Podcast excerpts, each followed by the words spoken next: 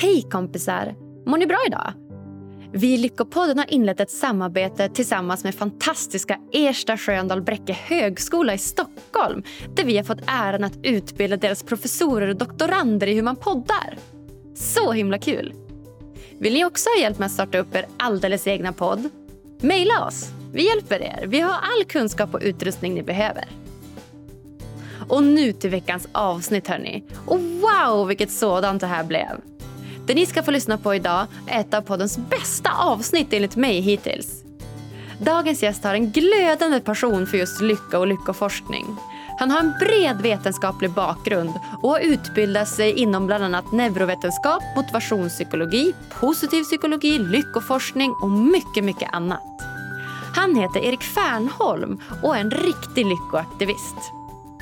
Han är grundare till plattformen 29K som med hjälp av världens främsta lyckoforskare syftar till att skapa en värld där personlig utveckling finns tillgängligt för alla.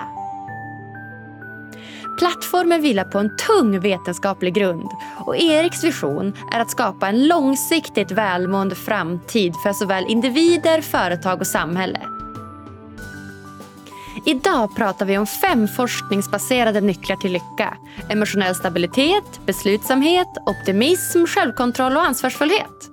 Vi pratar om Eriks uppväxt, om sorg, om hur man hanterar den, om vad som krävs för att skapa ett lyckligt samhälle och mycket, mycket mer. Vässa öronen och glid med på ett avsnitt utöver det vanliga. För er som missat det så heter jag Agnes Sjöström och den här podden presenteras i samarbete med hypnotication.com. Varsågoda!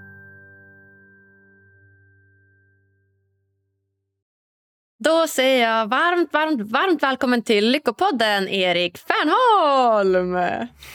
tack, tack. Kul att vara här. Så himla kul att du vill gästa oss. Jag blir så glad. Mm, verkligen, det känns jättespännande. Hur, hur mår du idag? Klockan är, vad är hon? hon är snart ett här. Det är nästan, nästan lunch. Har du käkat någon lunch eller? Det blev, en, eh, det blev en ganska snabb lunch i ett möte. Så, eh, men, men det var ett fantastiskt spännande möte. Så att, nej, men jag var bra. Jag, jag ser fram emot det här samtalet. Det ska bli jätteroligt. Mm. Ja, men jag med. Jag som sagt vet inte jättemycket om dig sen tidigare. Och jag berättar för dig att så här, när man väljer gäster så vill man gärna veta något om dem, om de har något intressant att säga. Men man vill inte veta för mycket så att man inte har något att prata om under samtalet. Och så, så att jag är supernyfiken. Kul. Ja, men, ja, precis. Det ska bli verkligen roligt. En sak som jag har förstått att vi har gemensamt, i vart fall du och jag Erik, det är ju att vi båda har snöat in oss på hur vi kan göra världen till en lite lyckligare plats. Ja, verkligen. Ja, men det, är, eh, det känns som att vi verkligen delar den passionen. Eh, och kanske liksom till och med med den typ av intresse för vetenskap och psykologi i den frågan dessutom. Mm, ja, men verkligen. Att man dyker in från det perspektivet. Hur, eh, hur kommer det sig att du har den visionen eller intresset? Jag tror att um, alltså jag har haft med mig det. Alltså, intresset för hur vi förhåller oss till oss själva, vad vi tycker är viktigt i livet, vad det är vi egentligen siktar på. De här frågorna har varit med mig sedan jag var väldigt, väldigt liten. Och, och tyckte väl att när jag, när jag var liten och såg på vuxna så tänkte jag, liksom, jag kommer ihåg att jag var kanske fem eller sex, tänkte så här, Alltså hur kan det vara så att vuxna är så galna och så eh, alltså lite knäppa? Alltså att de siktar på mål som de vet inte gör eh, att de blir lyckligare. Men ändå så fortsätter de sikta på målen. Alltså hur kan de inte se att liksom, mer av samma sak inte kommer göra någon skillnad? Um, ja, nej, så jag har, jag har tänkt på den frågan, det säger jag väldigt lite. Har du något eh, exempel på, på en, sån, en sån tanke då, när du tyckte att vuxna var lite knäppa?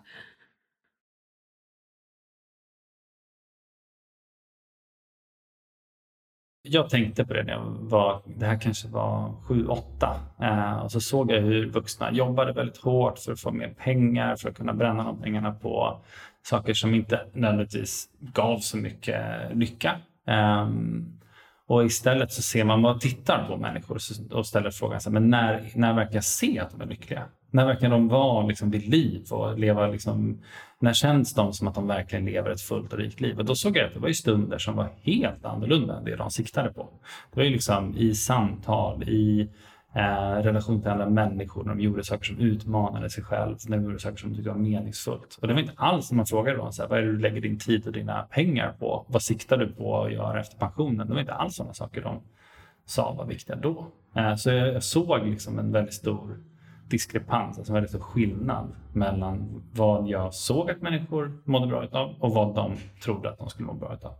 Uh, eh, det här såg jag väldigt mycket i min familj också. Det är ganska extrema versioner av liksom, när min pappa var elitidrottare och skulle bli eh, siktade på liksom, stå längst uppe på en pyramid. Hans pyramid var inte ett bolag eller en eh, en stor organisation utan hans pyramid var en prispall. Liksom. Han, han var diskuskastare och ville bli känd och berömd och, och framgångsrik. Han älskade ju sporten också men, men så såg jag liksom att desto mer han kämpade för det desto, desto mindre eh, fick han tillbaka. Och det, det var ju smärtsamt för mig att se att, att det vi siktar på inte, inte ger någonting och kan till och med skapa väldigt mycket lidande. Mm. Ja, vad spännande att du var så medveten redan när du var så ung. Hur, hur påverkade det dig som barn och ungdom? Hur, hur tänkte du i din uppväxt då med olika val av skola, gymnasie, vad du la din tid på? Hur, hur tänkte du?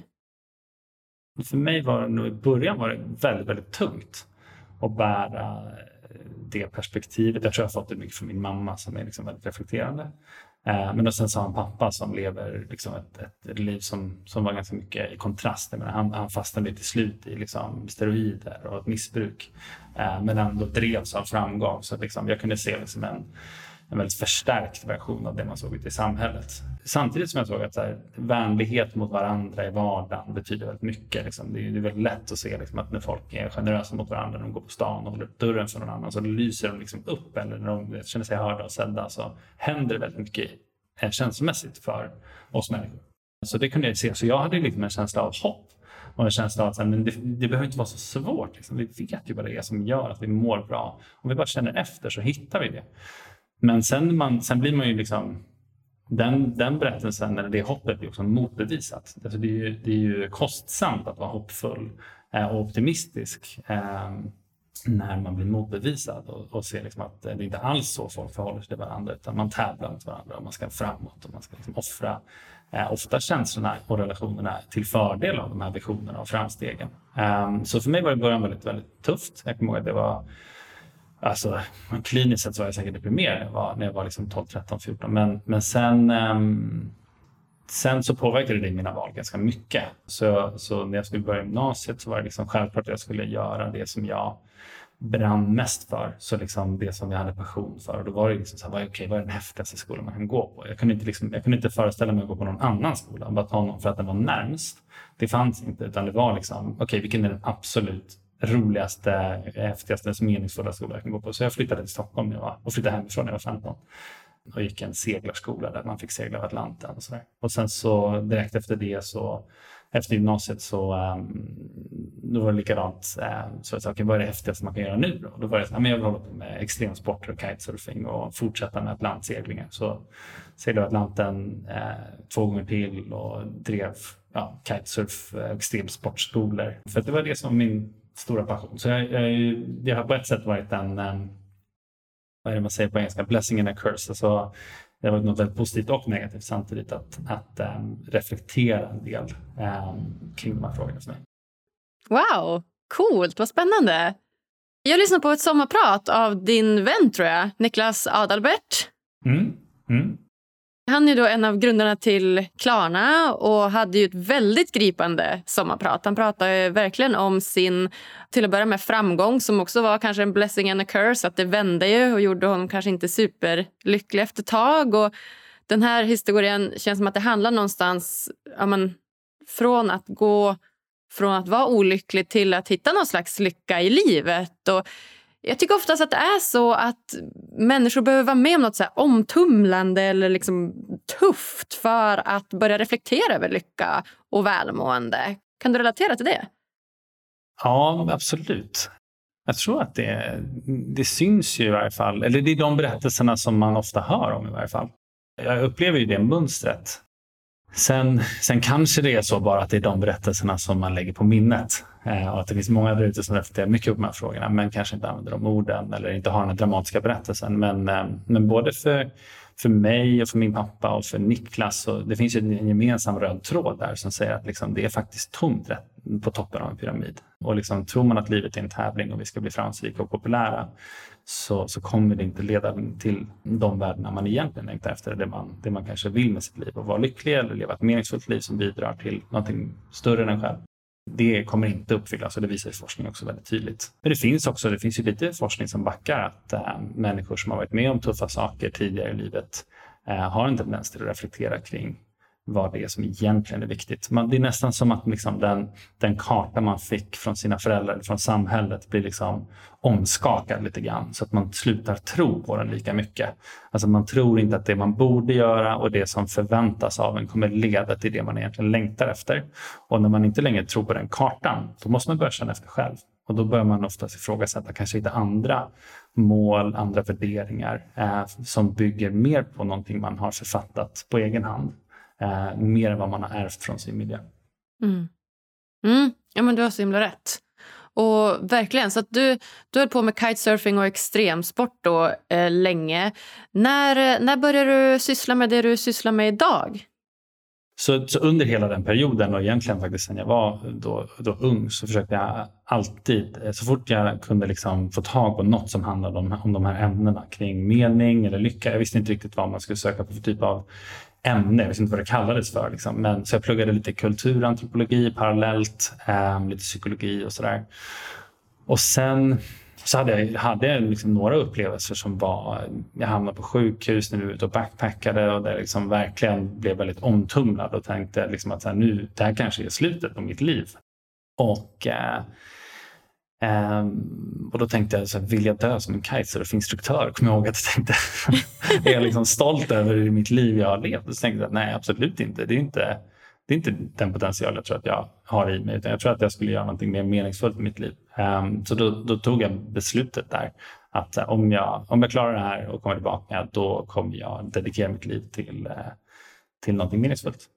Och då gick jag tillbaka och sen så, så började jag söka inom akademin. För jag var lite trött på personlig utvecklingsvärlden. För jag hade läst allt som går att läsa och pluggat vet, alla de olika skolorna som finns. Och märkte att det var mest manipulation och mest ganska mycket Alltså mycket varumärken som såldes och mycket kurser som såldes. Men mycket av det var rätt innehållslöst. Och hur man kan manipulera sig själv eller manipulera andra för att få det man vill. Och det var inte det jag var ute efter. Jag var inte ute efter att öka ens hastighet. Jag var ute efter att ifrågasätta vilka mål vi har alltså förstå människan på ett djupare plan. Så då hamnade jag på, um, på en helt ny utbildning som handlar om, uh, alltså huvudämnet, det, det man pluggade egentligen var ju kognitiv neurovetenskap och hjärnforskning. Och sen så var inriktningen, det var första utbildningen i Europa för att studera lyckoforskning. Vart var det, uh, då? Det var i Skövde av alla ställen. Jag hade ju tänkt att jag skulle bli liksom, eh, börja plugga i, ja, någonstans längs kusten så man kunde fortsätta surfa. Men Just det. nej, det blev liksom den högskola eh, som ligger långst, längst från havet. eh, men det var bra för då fick jag liksom fyra, fem år där eh, fullt dedikerade. Det var liksom allt jag gjorde. Så jag pluggade dubbeltakt ut, alltså dels dubbeltakt inom akademin men sen så pluggade jag långt mycket mer utanför studierna. För att jag bara slukade allting som hade att göra med de här ämnena. Mm -hmm. Vad, var det, vad hette den utbildningen? Så nu tror jag att de har döpt om den. Men huvudämnet är eh, kognitiv neurovetenskap och då tror jag att den hette, eller då hette den psykologisk coach. Eh, men det var liksom ett, eh, så lite så kognitionsvetenskap och, och men, men, det var hjärnforskning. Det var det som var, var liksom eh, hela ämnet. Mm. Super, super intressant. Och, och då var ju positiv psykologi ett ganska nytt fält. Eh, så det kom upp ganska nya fynd hela tiden. Nu har ju liksom saker mognat och man har liksom hittat eh, man har gjort ganska mycket stora upptäckter de första, första åren. Liksom, vad, vad det är som egentligen skapar ett lyckligt liv. Mm, mm, mm. Ja, men gud vad spännande. Eh, du pratar mycket om det här med att reflektera och vad, ja, men, tänka lite grann på vad man håller på med och vart man vill och hur man ska komma dit och sådär och vad är viktigt i livet. Tror du, att, tror du att man kan dra till sin spets? Tror du att man kan vara för reflekterande? Mm, verkligen, absolut. Absolut. Så, att, så menar, det man får komma ihåg, från, från det jag har förstått i varje fall, så är liksom, eh, alltså reflektion är ju någonting som sker upp i huvudet, men livet sker i kroppen. Um, så livet sker liksom i stunden och i, i liksom, det är en förkroppsligad upplevelse. Men går man upp i huvudet och börjar reflektera så kan det också komma in väldigt mycket med att man fastnar i tankarna och tror att tankarna börjar bli verkliga och börjar tro att sin berättelse om livet eller om sig själv är verkliga. Och då börjar man liksom då börjar man fastna i en loop och då, då kan livet börja handla om att tänka på tankar. Och där kan man, det är ju nästan definitionen av psykisk ohälsa, en viss typ av ångest i varje fall. Så att, att komma tillbaka till kroppen och integrera både att vara i nuet och leva aktivt, engagerat liksom, i sin relation till sig själv, till andra, till världen.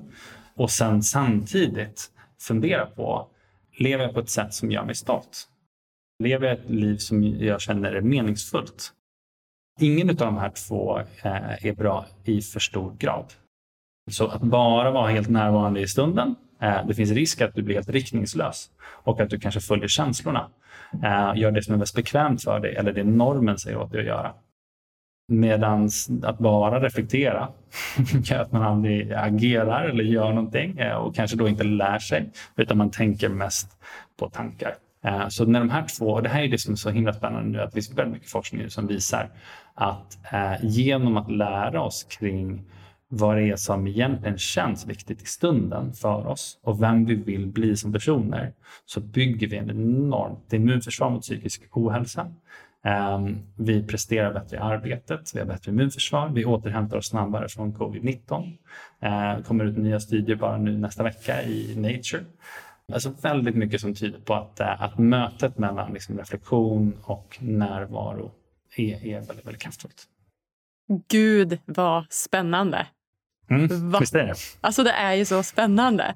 Så någonstans mm. mötet mellan närvaro och de vi vill bli, ja det är ju det är helt fantastiskt. Och om vi ska dra det här till en parallell till dig själv.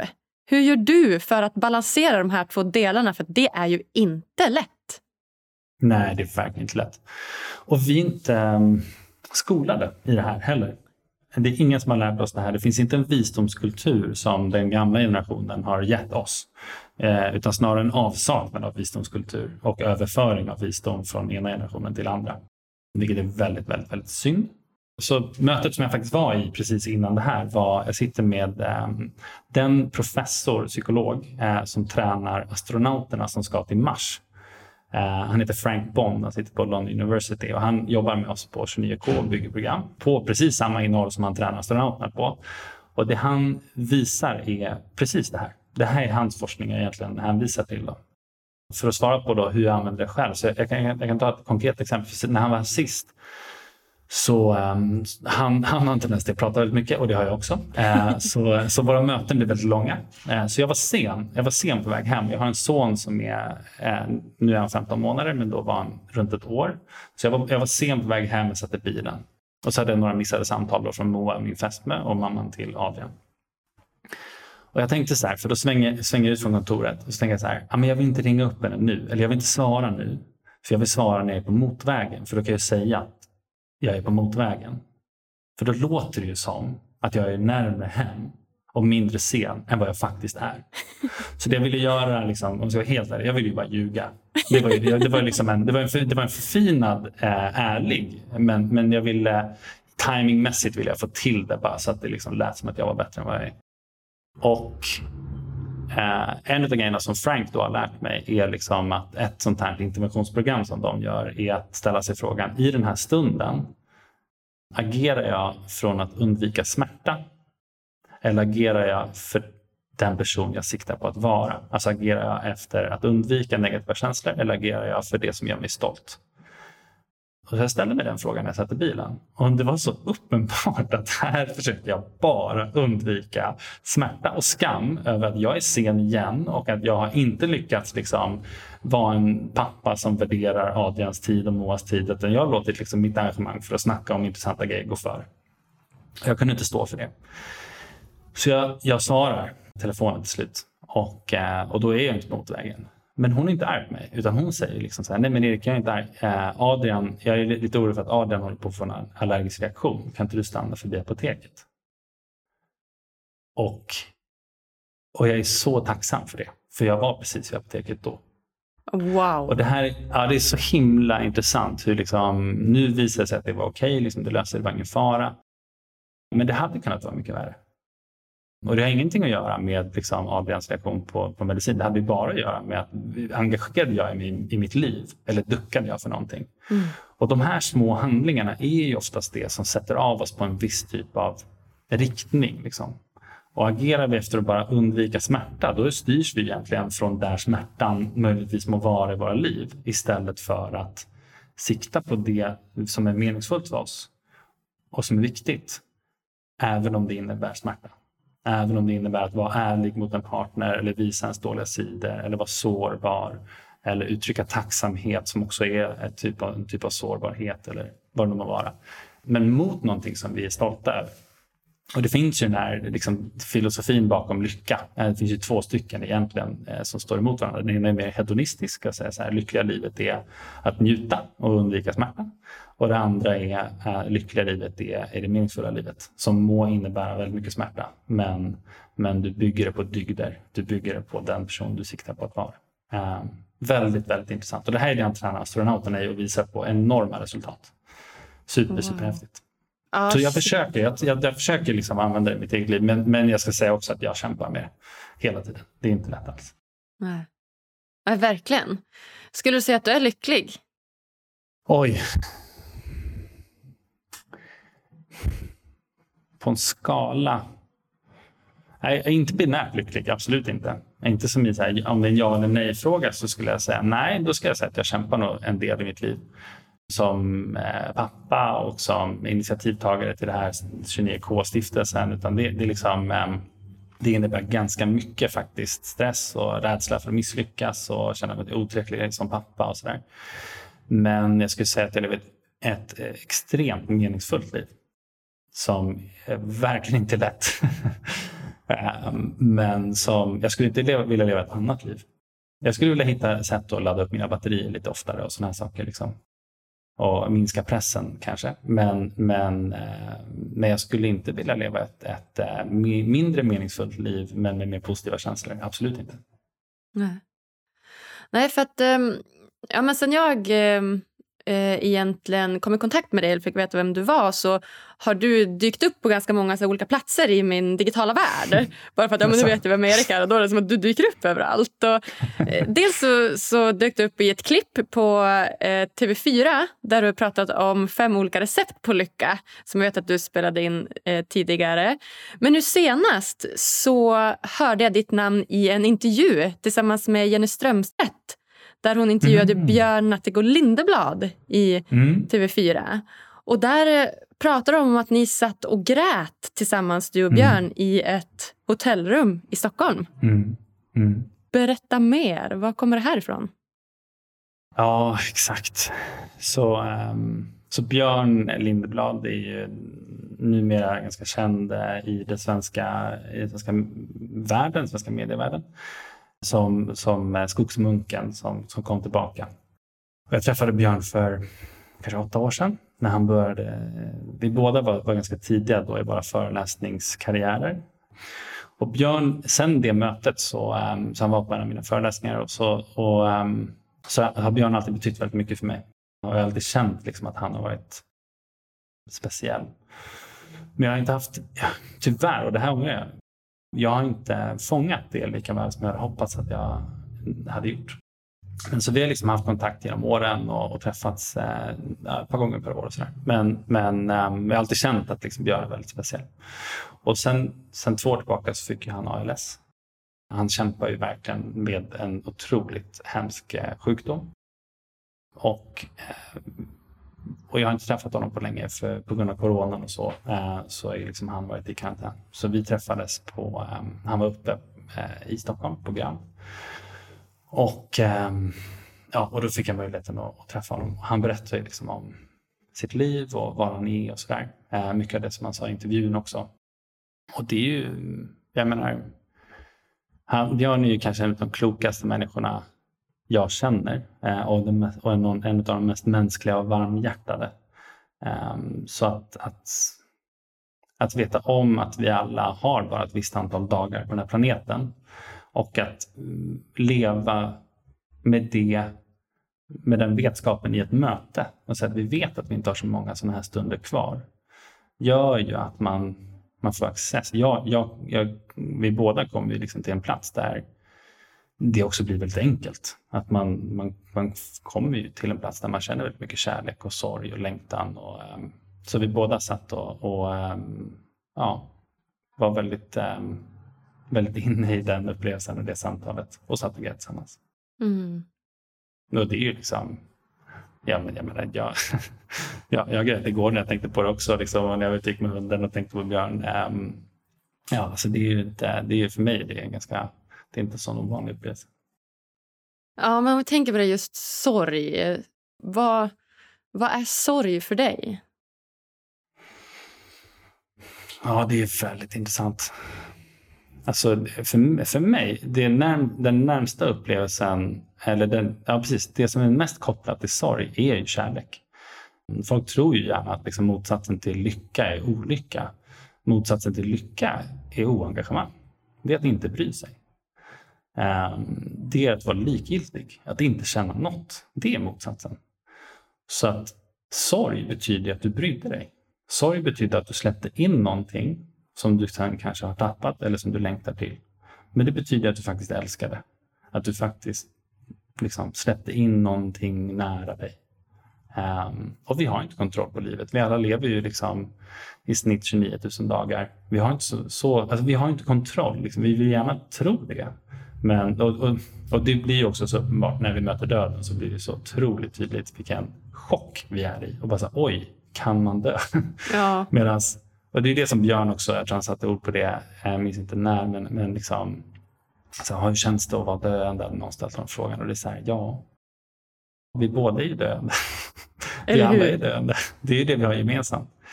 Så, så ett liv utan sorg är också ett liv utan närhet och kärlek. Så jag tror att för mig är det liksom bara en totalt naturlig del av ett liv som är, som är vällevt. Mm. Um, och någonting vi, vi bör kanske... Det, det, kan ju vara rädslan för sorgen som gör att vi stänger av. För att vi inte tror att vi mäktar med de känslorna. Och det här är, liksom, det är så intressant, för jag, jag började med liksom min resa in i de här ämnena och ville förstå vad lycka är och förstå liksom, allting som hade att göra med ett liv som var rikt och fullt. Liksom. Men, men det man hittar, gräver du bara, du behöver inte gräva så djupt in i den forskningen, så ser du att det som håller folk från det, det är inte så mycket du behöver göra eh, för att hitta ett lyckligare liv. Förutom att ta bort grejerna där du bromsar dig själv. Alltså anledningen till att man inte är tacksam är för att man inte vågar vara sårbar. Anledningen till att man inte älskar eller känner kärlek eller närhet, det är för att du inte vågar hantera sorgen. Alltså det är mycket mer hur vi hanterar skuggorna som, som hindrar oss från att känna ett, ett fullt liv än vad det är att vi har liksom inte rätt förutsättningar utåt sett. som vi måste få mer, du vet, ja, etc. i. Um, så så liksom, positiv psykologi i all ära, men, men jag tror att det finns en negativ psykologi som verkligen är förutsättningar för att driva fram positiv psykologi. Och det är det man ser hos de lyckaste människorna i världen. De är liksom sårbara, de hanterar skam och skuld på ett helt annat sätt än, än eh, människor som inte vågar känna de negativa känslorna. Mm. Ja, men alltså, du har så rätt. Och Det här är faktiskt det vi har kommit in i de senaste avsnitten av podden också. Så vi kommit mm. in mer och mer på det här. att Vad är lycka? Ja, men vad handlar det egentligen om? Är det någonstans att ha det här lyckoruset i kroppen och att allt ska se så bra ut utåt och hitta mening och, och balans i livet? Eller är det mer hur man hanterar de här skuggsidorna som du pratar om? Skam, skuld, sorg, ilska, svartsjuka. Exakt, exakt. Och det, är, eh, det säljer ju inte lika mycket. Nej, det gör ju tänk, inte det. Tänk, tänk ha ångest. Eller menar, en kurs i, i olycka eller en kurs ja. i skam och skuld och sorg. Det får man liksom inga deltagare. Nej, um, exakt. Men, men det är liksom nästan som en... Eh, den metafor jag får, får upp är liksom som, som att det är som en... Um, det är lite grann som, som ett som i, i, en kamera så har du liksom ett objektiv och så har du liksom en, um, vad heter det? Um, alltså ett iris som släpper in mer eller mindre ljus uh, som kan öppna och stänga sig. Liksom. Och det, uh, desto, desto mer vi vill bara känna de positiva känslorna, uh, desto mer kontroll måste vi utöva över omgivningen, över andra, över oss själva. Desto mindre kan vi liksom vara flexibla och möta livet så som det är. Eh, men desto mer vi kan liksom öppna upp flödet eh, och, och faktiskt vara engagerade i livet utan att stänga av oss själva, desto mer jobbiga känslor kommer vi känna, men desto mer lyckligare känslor kommer vi också känna. Mm. Verkligen. Och hur gör vi då? Vi är ju ganska inpräntande i det här samhället att inte visa ilska, inte visa sorg, inte vara sårbara. Hur, hur gör vi för att hantera de här känslorna? Exakt. Så, så jag tror att um, vi har, det finns några grundidéer som är återkommande i, och som sätter käppar i hjulet för oss uh, när det gäller ett, ett rikt och meningsfullt liv som innehåller då mycket utav känslorna, um, även de lyckliga. Och en av dem är att vi tror att vi är våra huvuden. Vi tror att vi är våra tankar. Um, och att vi, vi ser liksom kroppen som någonting, vi, vi har en kropp. Vi går omkring och förflyttar vår kropp, liksom vi gör saker med vår kropp. Eh, vi har åsikter om vår kropp. Och, och, och, vill ha en viss typ av känsla och vill inte ha en annan typ av känsla. Och det är den första missen vi gör. Eh, så jag tror att börjar man se, se känslorna som eh, djupt meningsfulla signaler om vad det är som är viktigt för mig i mitt liv. Och kanske bortanför den här initiala liksom, lyckoruset eller den här lilla kicken eller oj, det där var smärtsamt. Eller det här, nu känner jag sorg. Men det är för att jag älskar det. Eh, betyder det att jag ska sluta ha relationer eller betyder det att jag ska liksom göra ännu mer av det i nästa gång? Det kanske var att jag inte vågade känna sorg som gör att jag inte har kvar det. Det kan vara det med. Så, så, börja utforska och lära sig kring vad det är som känns verkligen. Vad är det som känns i dig? Börja köra experiment eh, och, och eh, se känslan som djupt meningsfulla. Det tror jag är en, en otroligt klok startpunkt. Och, och jag skulle inte bara kalla det för mindfulness. Mindfulness är, är fantastiskt och det är väldigt bra. Det är inte så bra som många tror att det är. Eh, det är inte liksom något som bara är bra för alla hela tiden och det är inte liksom det enda svaret. Men om du inte är i kontakt med dig själv i den här stunden och andra i den här stunden, då kommer du inte vara i kontakt med verkligheten. Och så på det sättet så är liksom, nuet är alltid startpunkten. Och det en, det enda fönstret du har för att komma åt verkligheten. Och sen tror jag att det handlar om att den andra dåliga idén som vi också har lärt oss är att folk tror att de finns. Alltså att det finns ett jag som är skilt från min omgivning, från samhället, från varandra. Så folk vaknar upp och säger så här, vad vill jag? Och tror liksom att jag är den här separata entiteten som knarrar omkring och ska reda i mitt liv. Istället för att se mig själv som en, en Eh, föränderlig, öppen och relaterande varelse som jag är mina relationer, jag är mina relationer till miljön, jag är relationer till andra människor. Och det är här liksom altruistiska beteenden då inte är altruistiska för att du ser att du och omgivningen sitter ihop. Det är samma sak. Och det här är också ett mönster vi ser hos de lyckligaste människorna i världen, är att de inte fokuserar på sig själva. De vaknar inte upp på morgonen och säger jag vill bli lycklig, vad ska jag göra så att jag får det jag vill? De människorna har mycket mer ångest, är mer deprimerade och mår sämre. Medan människor som ser sig själva som de är i relation till sin omgivning hela tiden, varandra eh, och vårdar de relationerna, de är de lyckligaste. Så lyssna inåt, lär känna dig själv, eh, men sluta för guds skull inte där, utan se dig själv i relation till andra saker. Och det är det du kommer upptäcka när du börjar lyssna inåt. Du kommer ju se att så här, gången du garvar, det är när du sitter med andra människor, det är inte när du är själv. Det är inte när du kanske har fått beröm eller bekräftelse. Det är inte när du har fått framgång. Det är inte när du har fått likes på Twitter eller likes på Facebook eller vad det är. Det är inte då du känner dig levande. Utan det du kommer upptäcka är att du sitter ihop så vansinnigt mycket med din omgivning. Och då om du börjar i dina värderingar och handlingar ta hänsyn till det och agera efter det den här relationen behöver just nu. Inte bara vad vill jag, utan vad är det som behövs i det här eh, hela systemet. Då kommer du, liksom, tror jag, vara på en väldigt god väg att lära dig det du behöver för ditt nästa steg. Liksom. Mm. Ja, men vad spännande som du säger, när man vaknar upp på morgonen och inte fokuserar på vad vill jag, hur ska jag bli lycklig, vad ska jag göra nu? Hur, hur tänker du när du vaknar upp på morgonen då? Vad är din, liksom, hur försöker du se det? Vanligtvis vaknar jag upp på morgonen med en, med en häl i ansiktet. För lilla Adrian som har, som har varit... Ja, ja du vet. Um, bra fråga. Alltså jag tror att, jag tror att um, så vakna upp, så, så att ställa sig frågan vad vill jag? Är liksom det man, vill, vill så här, Följ din dröm, gör din grej. Liksom, det är det vi har blivit itutade. Men jag tror att, att se sig själv från det här perspektivet helt plötsligt är så här, oj, okej, okay, wow. Jag behöver ta ansvar för mig själv. Jag kan inte bli martyr och bara offra mig för andra. Men jag behöver lära känna vad som påverkar mig, vad det betyder att vara människa. Och sen så behöver jag fundera på vad är det som behövs i helheten här, som jag är en del av. Så där försöker jag eh, vårda mig själv och ta hand om mig själv. Det, det behöver jag bli bättre på.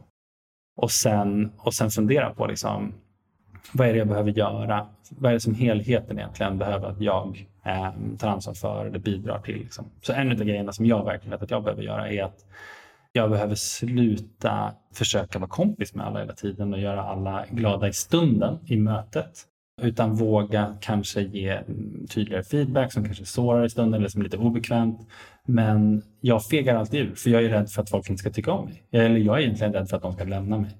Men det här behöver ju liksom jag nöta på och träna på. Och här märker jag att liksom mina känslor eh, de vill ducka det här. de vill liksom inte att jag ska in. Och, och, eh, men det är ju för att det väcker för mycket känslor. Eh, men det här är det som jag tror, det här är väldigt tydligt att jag behöver liksom träna på och bli bättre i. Så det är det som behövs, eh, liksom både i mitt ledarskap och i många relationer, att jag behöver våga vara ärligare. Och offra kanske stämningen i stunden, eller riskera i varje fall det. Men för, för långsiktighet. Eh, och jag menar, ärlighet är ju det, det, är också någonting som blir väldigt hälsosamt på sikt. Att ha bara människor som är snälla mot en men aldrig ärliga. Man kan ju frågasätta om det verkligen är kärlek. Mm. Verkligen, verkligen. Så spännande. Jag tror att det är fler som brottas med de där frågorna som du, som du pratar om också. Det känns som att det är ganska vanligt.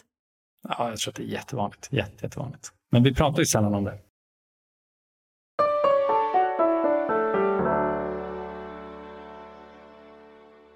Vill du stärka din självkänsla, sova gott och må bättre?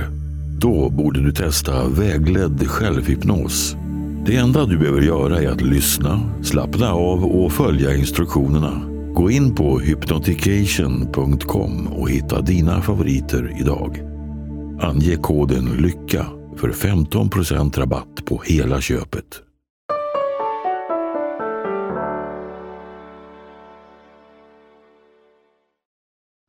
Ja, men superspännande Erik. Det märks verkligen att du har funderat i de här banorna mycket. Både men, i dig själv och reflekterat rent erfarenhetsmässigt men också via mycket kunskap och mycket forskning. Så spännande.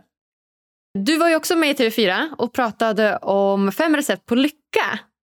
Kan du inte berätta, vilka är de här fem recepten? Jo, men absolut.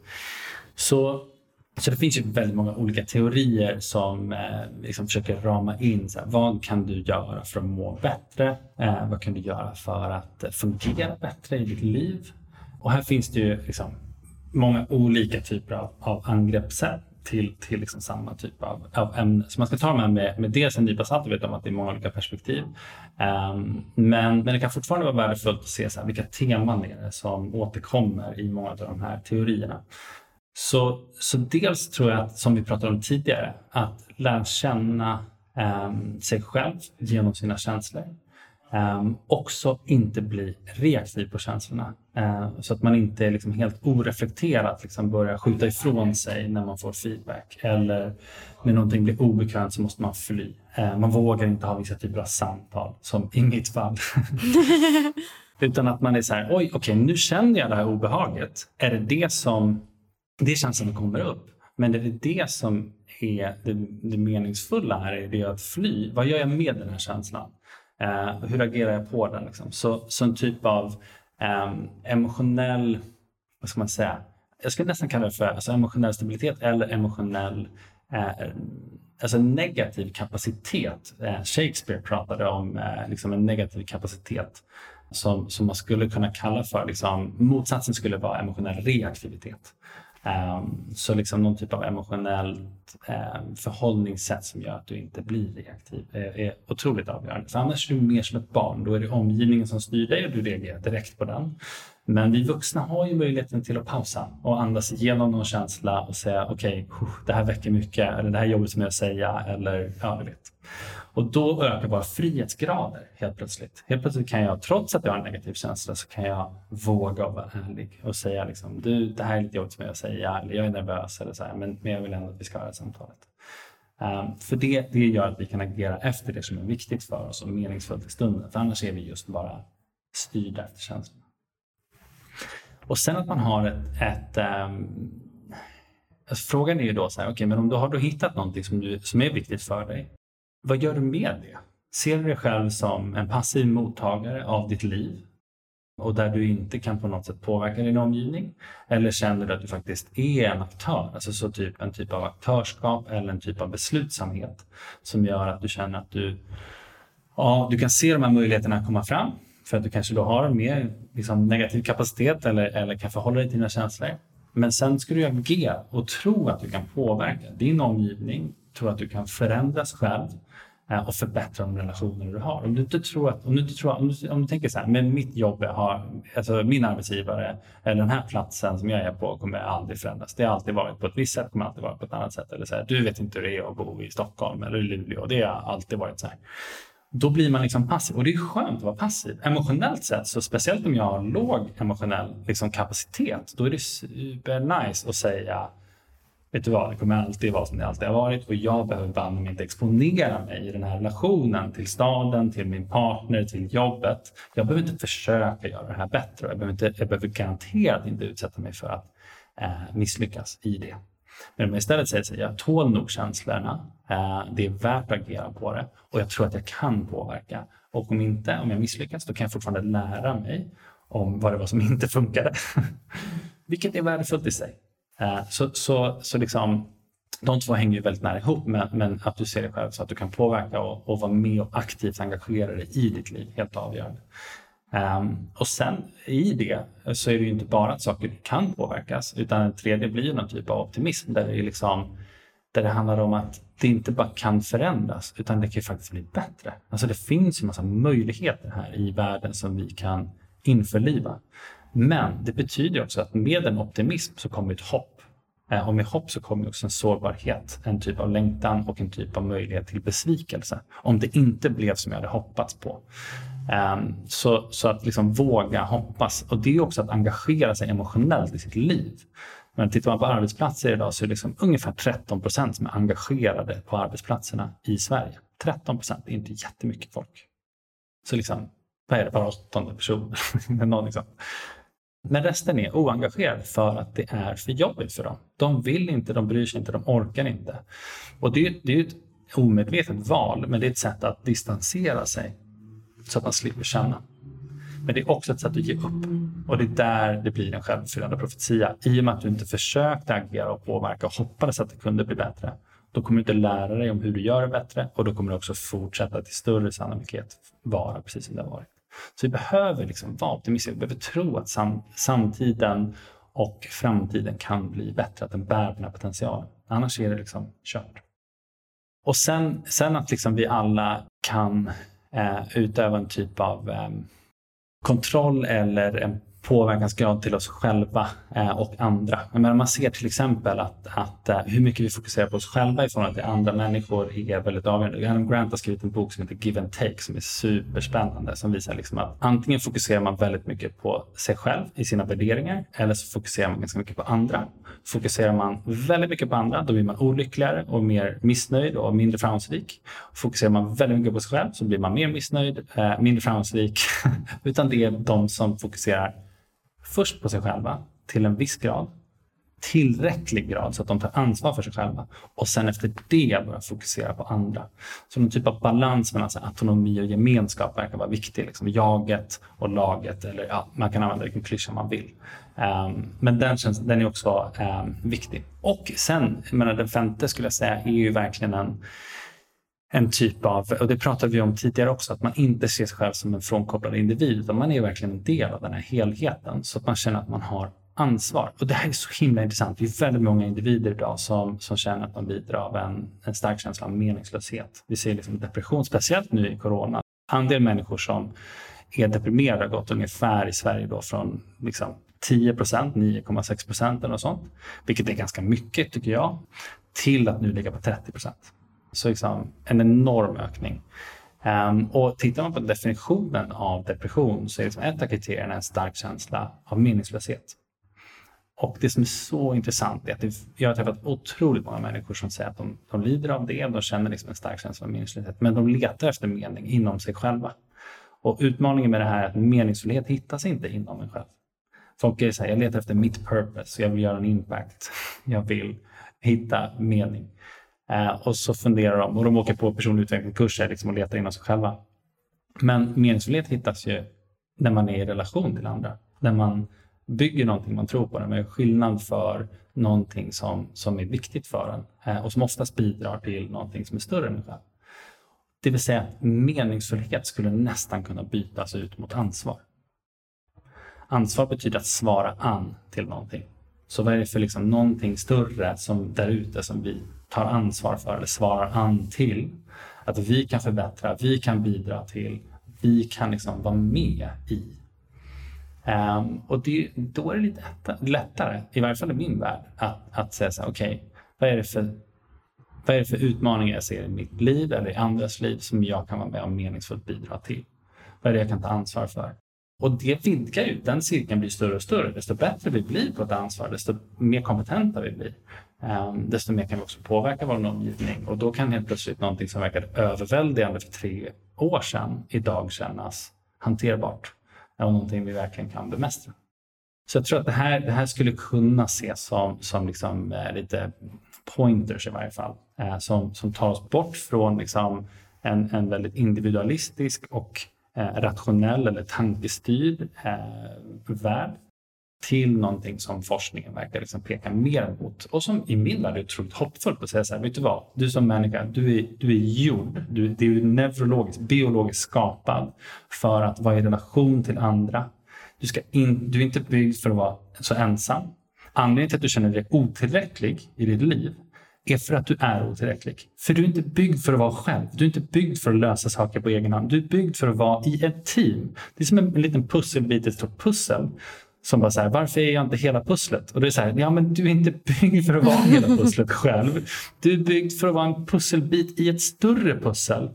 Så försök att bidra till det pusslet, se det större pusslet och liksom gräm dig inte så mycket över att du inte är att alltså, du är otillräcklig på områden. Det ska du vara. Det är där andra människor ska jacka in i dig och vara en del av dig så att ni tillsammans kan lösa och bygga ett samhälle som har en större chans på att vara hållbart etc. Uh, och det är här individualisten, individualismen kostar oss otroligt, otroligt mycket. Vi är liksom ensamma, vi har en ökande psykisk ohälsa, vi känner oss meningslösa och sen fokuserar vi ännu mer på liksom personlig varumärke och konsumtion för att tro att vi ska lyckas knäcka koden på vår dåliga självkänsla eller vår otillräcklighet. Och det är här som liksom man kan bli lite sorg, sorgsen för att där är liksom mycket av konsumtionshetsen och marknaden klivit in och kommersialiserat på våra osäkerheter för att vi inte känner oss tillräckliga. Men det är inte där problemet ligger. Problemet ligger i att liksom vi, behand, vi, vi är byggda för att vara en del av en grupp som gör någonting meningsfullt. Och det för mig är en väldigt hoppfull berättelse om människan. Det säger ju någonting om att här, det är så våra hjärnor är byggda. De är byggda för att vi ska bidra till någonting vi tror på. Och, det, är, det är väldigt fint på något sätt. Det är, det är mycket, mycket finare än så här fokusera på dig själv och uppfylla din dröm och konsumera liksom, och bli rik och framgångsrik. Det känns som människor som fokuserar väldigt mycket på sig själva och struntar i hur de påverkar andra. Alltså inom psykologin kallar man det för både narcissism och psykopati. Det är ju sjukdomar. Medan liksom i businessvärlden så kallar man det för VD. Ja, så jäkla sant. ah, shit, Erik. Du har så mycket klok, eh, klokheter att bidra med. Verkligen. Det är helt sjukt att, det egentligen, att samhället är uppbyggt på det här sättet nu när man pratar om det. Det är så mycket frågetecken om hur allt är uppbyggt egentligen. Ja, och för mig så är det liksom, jag tycker att de här frågorna är... Ehm, du märker att jag går igång, jag, jag, jag, jag, jag kör ju på. Men, men för mig så, så ehm, om man ställer sig frågan så här, hur kommer det sig att vi måste, att vi har byggt ett samhälle där vi måste prata om hållbarhet. För att det är ett problem att vi är ohållbara. Vi har byggt ett ohållbart samhälle.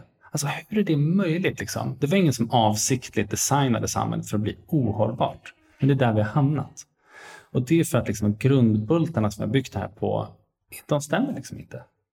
Alltså människan är inte ohållbar i sin natur. Det är hur vi har designat det systemet som bygger på lite felaktiga antaganden. Och de sitter rätt djupt. Um, och det är de som jag tror att vi måste komma till bukt med. Alltså det finns inte en chans att vi kan nå de globala målen från FN.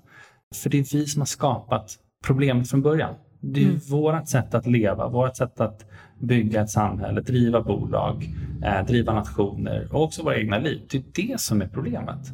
Och då kan vi inte bara sätta det som något nytt mål och säga så här, men vi ska, vi ska bara nå de här målen så är det lugnt. Och det är så här, nej men vänta lite nu. Det är ju hur vi löser problem som är problemet. Det är ju så vi har skapat alla de här grejerna. Um, så att jag tror att vi måste ha ett, ett, ett skifte på insidan för att lösa skiftet på utsidan.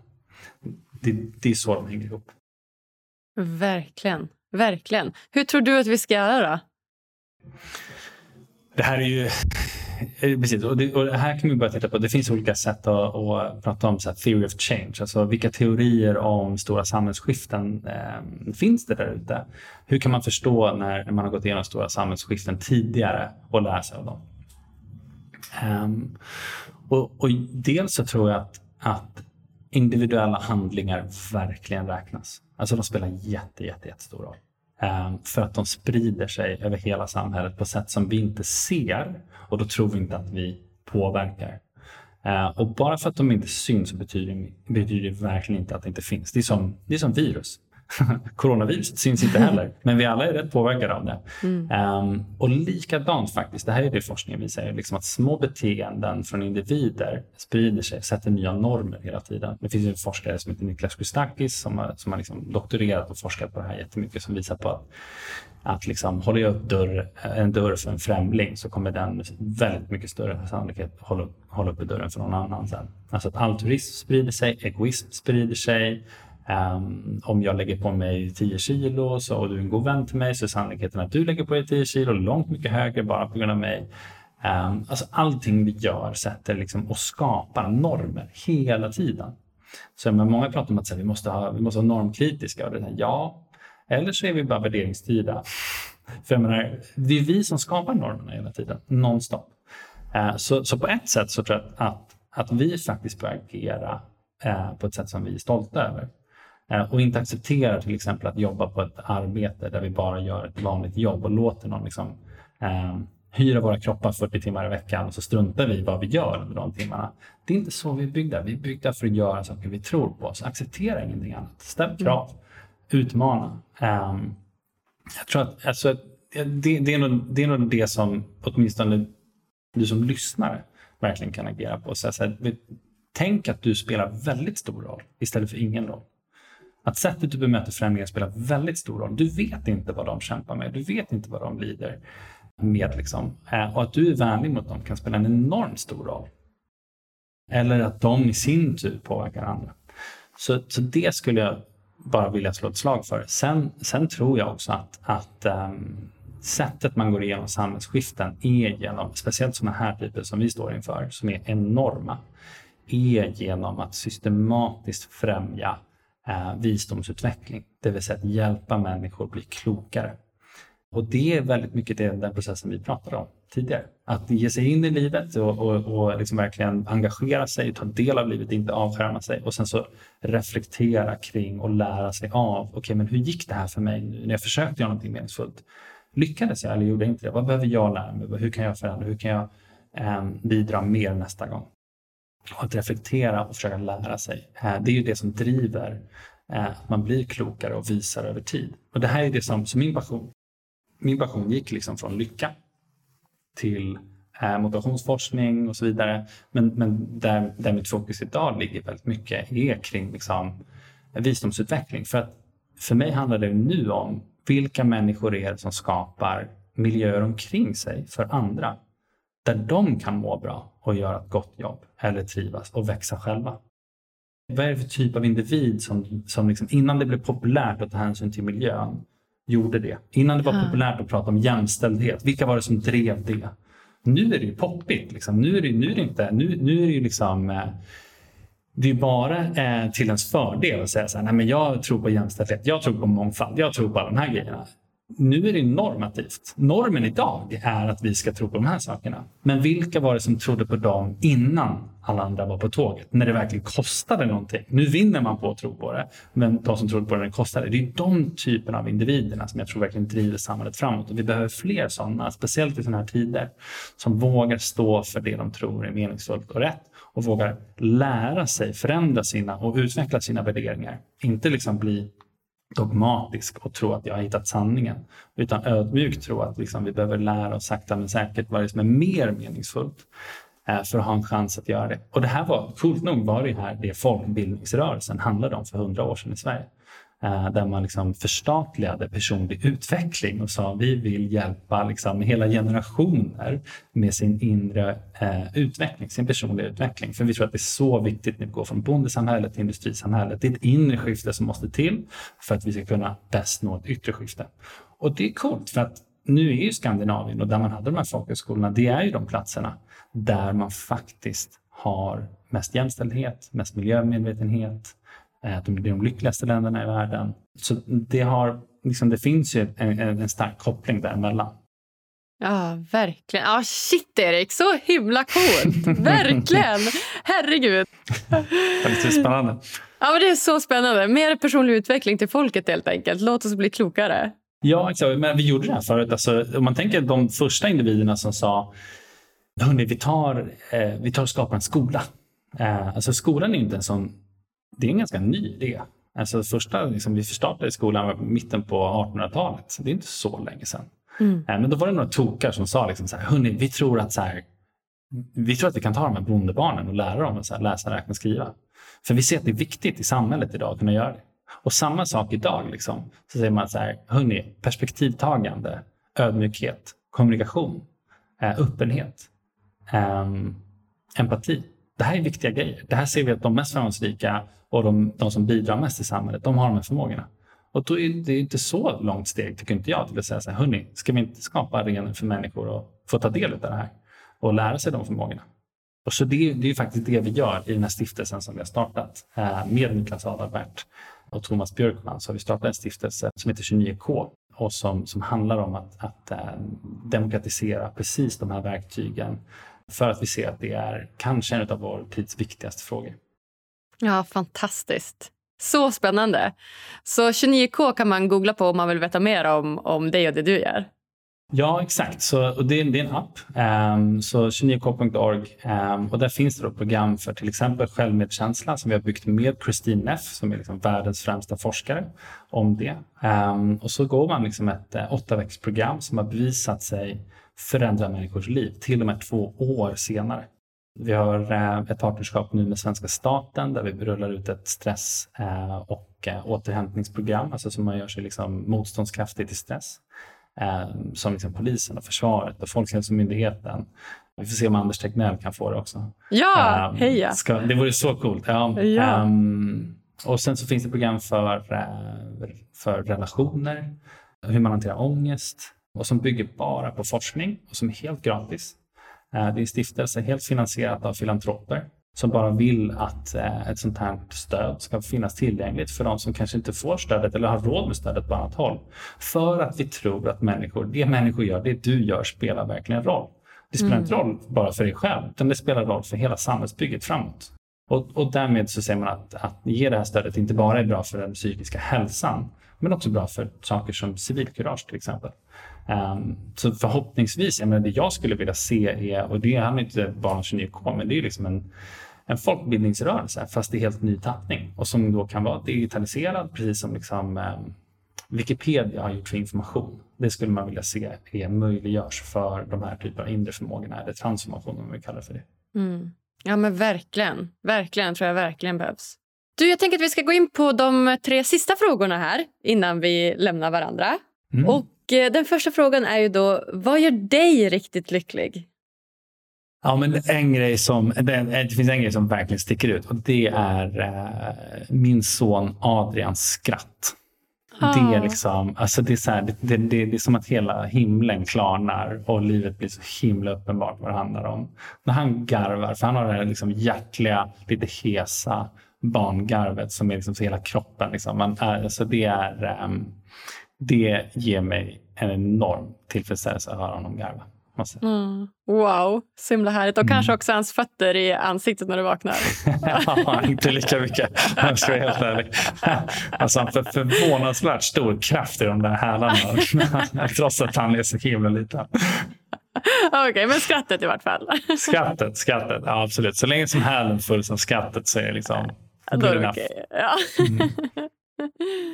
Du, du har ju nämnt så många bra saker här. Men jag tänker, om du fick ge lyssnarna en utmaning som de kan göra varje dag för att bli lite mm. lyckligare, vad skulle det vara då? Mm.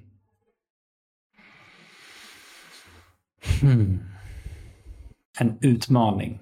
Um, jag skulle säga ta, ta 200 spänn Eh, om du inte har 200 spänn så, så, så kan jag kanske fixa det. Hör av dig till mig så kan jag swisha dig 200 spänn. Ta 200 yes. spänn och sen um, spendera 100 kronor på dig själv.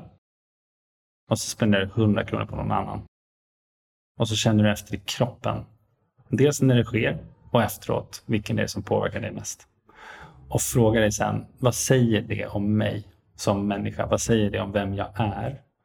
Att jag egentligen blir vansinnigt mycket mer lycklig av att se andra fyllas av glädje och omtänksamhet.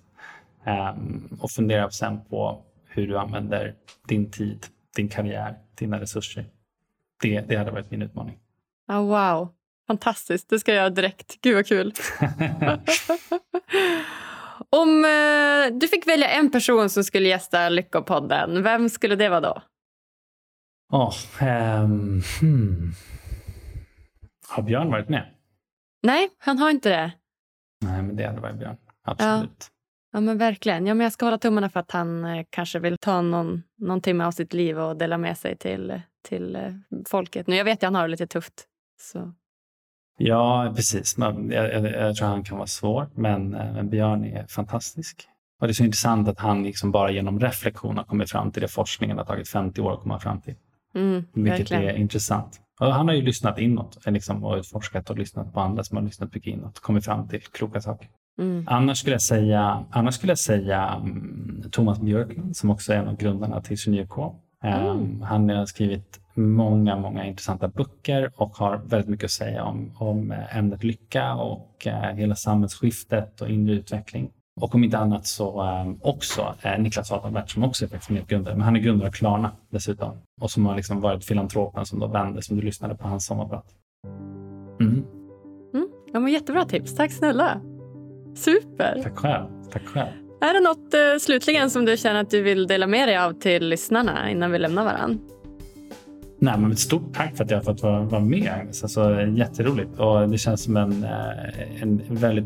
Det, jobb du gör är väldigt viktigt också i vår tid. Jag tror att de här frågorna behöver liksom komma, komma mer i rampljuset så um, jag skulle behöva säga tack. Ja, men vad härligt. Ja, jag säger tack snälla. Det är en ära att få vara med här, Erik. ja, tack själv.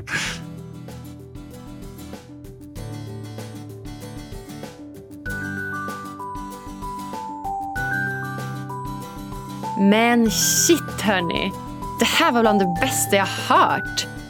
In med personlig utveckling i alla läroplaner till alla årskurser. Pränta in de där fem recepten på lycka som Erik pratade om.